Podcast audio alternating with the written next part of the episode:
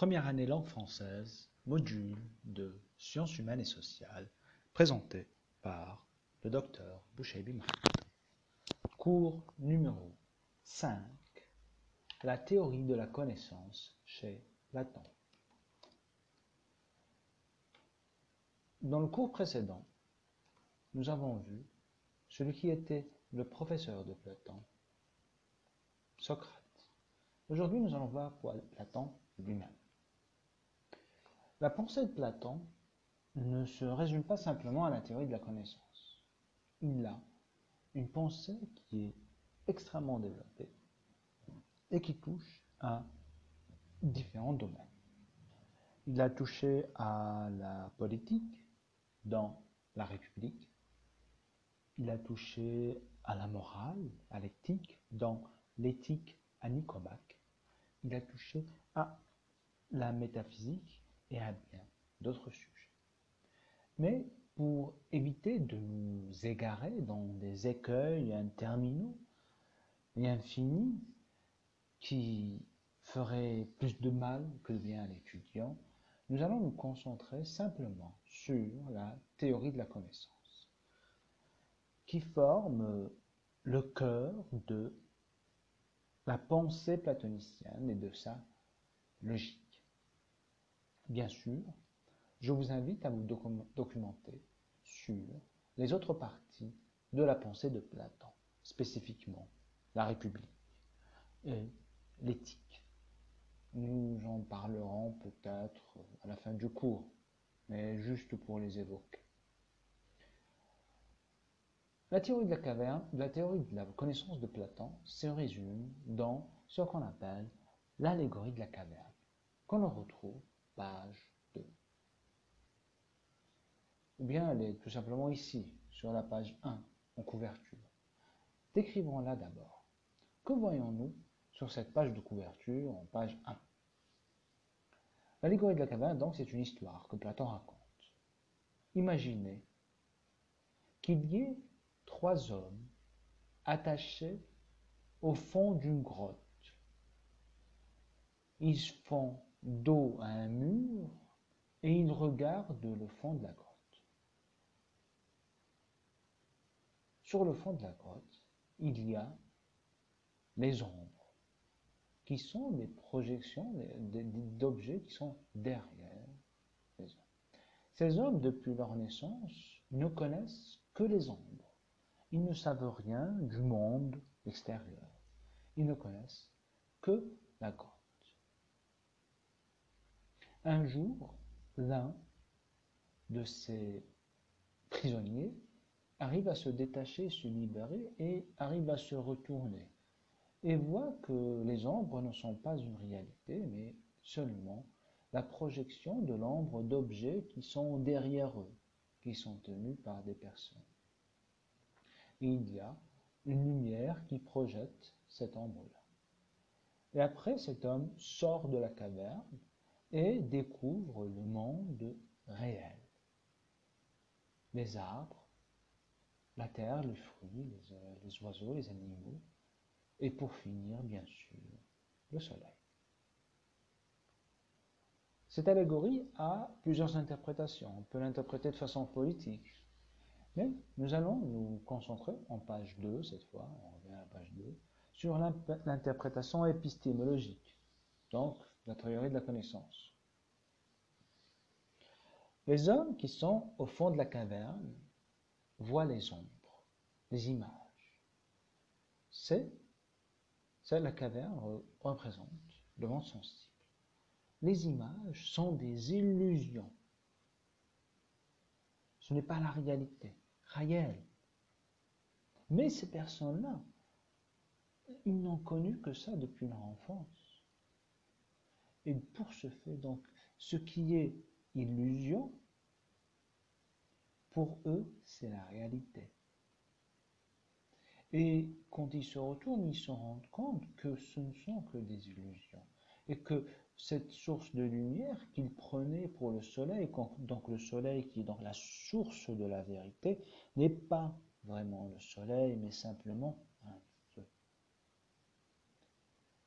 En sortant de la grotte, ils arrive à se libérer de ce monde matériel. Nous allons revenir dans le détail. Et sort pour découvrir le monde réel, qui est le monde des idées. Et pour finir, il contemple le soleil, qui est l'idée absolue du bien, l'idée de vérité. La vérité, mais qui est absolue. Ça revient au débat avec les sophistes. Nous allons y revenir. Page 3. L'intérieur de la grotte. L'intérieur de la grotte représente le monde sensible. Al-alam al-malmous, sensible. Que l'on reconnaît par les sens. Donc, pour qu'est-ce qui est dans la grotte, c'est ce que l'on voit aujourd'hui dans nos vies de tous les jours. Nous allons voir une chaise, une table, un, lit, un gâteau, je ne sais pas. Ça, c'est le monde sensible, ce que l'on perçoit par les sens, le. Et pour Platon, tout ça n'est pas une réalité, ce n'est qu'illusion, ou apparence, madhahir. On y trouve les ombres, les projections, qui sont les opinions.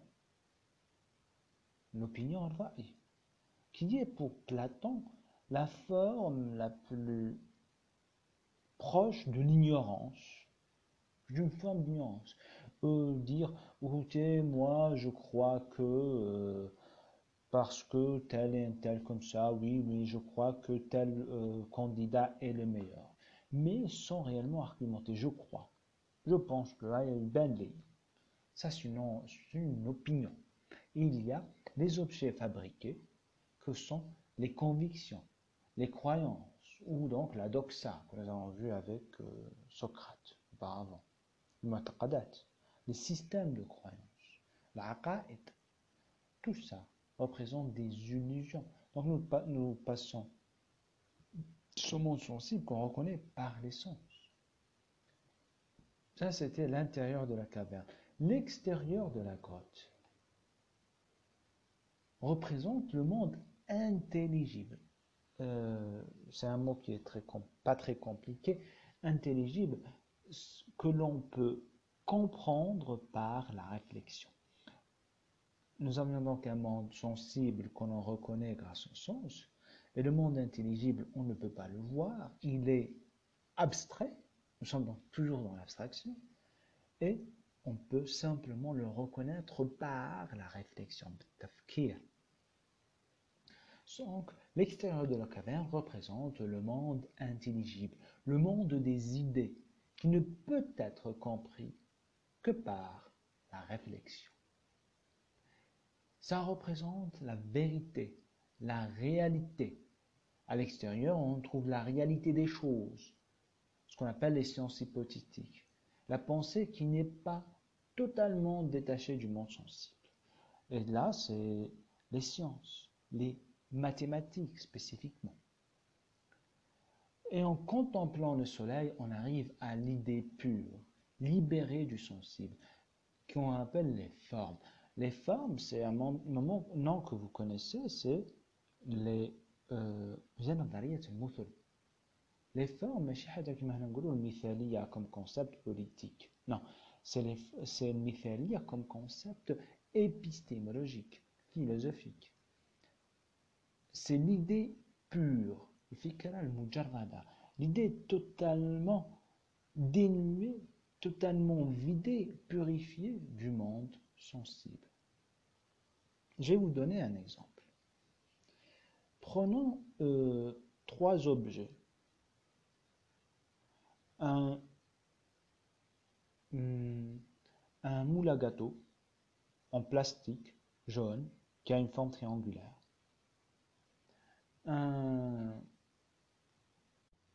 Donc, imaginons ces trois objets que nous voyons page, page 5. Vous voyez ici euh, un moule à gâteau orange pas jaune, en plastique. Vous voyez un équerre en aluminium, c'est un équerre de charpentier, de menuisier, et une lampe. Aujourd'hui, on dira que ce sont trois objets qui sont totalement différents. Si on se réfère au monde des sens, l'un est fait en plastique, l'autre en bois et le, deuxième en aluminium. L'un est jaune, l'autre gris, l'autre marron. Euh, l'un est une lampe, l'un est un équerre, l'autre un gâteau. Pour nous, le monde sensible, si nous attachons à ces catégories-là, nous fait dire que ce sont des objets totalement différents. Euh, l'action du sophiste dira que tout est relatif. Vous vous rappelez quand j'ai dit que, euh, l'homme est la mesure de toute chose. Si demain je, vous disais que euh, de, débattre sur un sujet, je vous pose une question. Dites-moi lequel de ces objets est le meilleur ou le plus utile? Nous sommes d'accord que c'est tout à fait absurde. Car euh, répondre à cette question reviendrait à comparer deux choses différentes. Mais un sophiste vous dira Ah non, L'homme est la mesure de toutes choses. Toutes les choses sont relatives. Donc, moi, je suis sophiste, viens, je vais t'apprendre à débattre et à répondre à cette question. Et tu vas apprendre par cœur et tu vas donner la bonne réponse et tu vas toujours gagner dans ces débats en présentant des arguments plus ou moins justes. Ça, c'est la méthode du sophiste. Maintenant, euh, si l'on euh, l'étudie selon la théorie des idées de Platon, nous voyons que si nous restons dans le monde sensible, le ce qu'on reconnaît par l'essence, nous avons trois objets totalement différents. Mais si on se réfère monde des idées, si on se retourne, nous arriverons à quelque chose de très important. Ces trois objets rentrent dans une même catégorie mathématique. C'est celle de la forme du triangle. Ici nous avons une pensée qui n'est pas totalement détachée du monde sensible. Le triangle, quand je vous demande dit triangle, cette image se pose devant vous et se pose en forme d'objet. Donc nous sommes sortis de l'objet gâteau, euh, euh, équerre et lampe vers quelque chose de différent vers une catégorie mathématique. Nous ne parlons plus d'objets, mais de forme. Mais de forme la forme, mais donc une forme géométrique.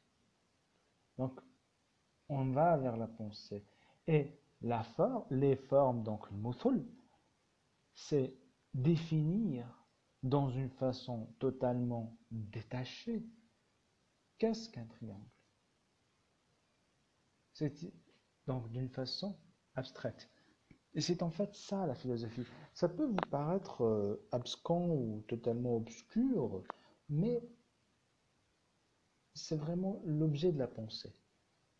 Ne pas rester dans l'apparence, mais aller vers le concept. Nous sommes passés de moulagato, équerre et euh, et lampe vers un concept, mafhoum, comme on l'a vu dans le cours précédent, qui est triangle. Ce, passage passe par l'abstraction. Et c'est ce qu'on voit ici chez Platon.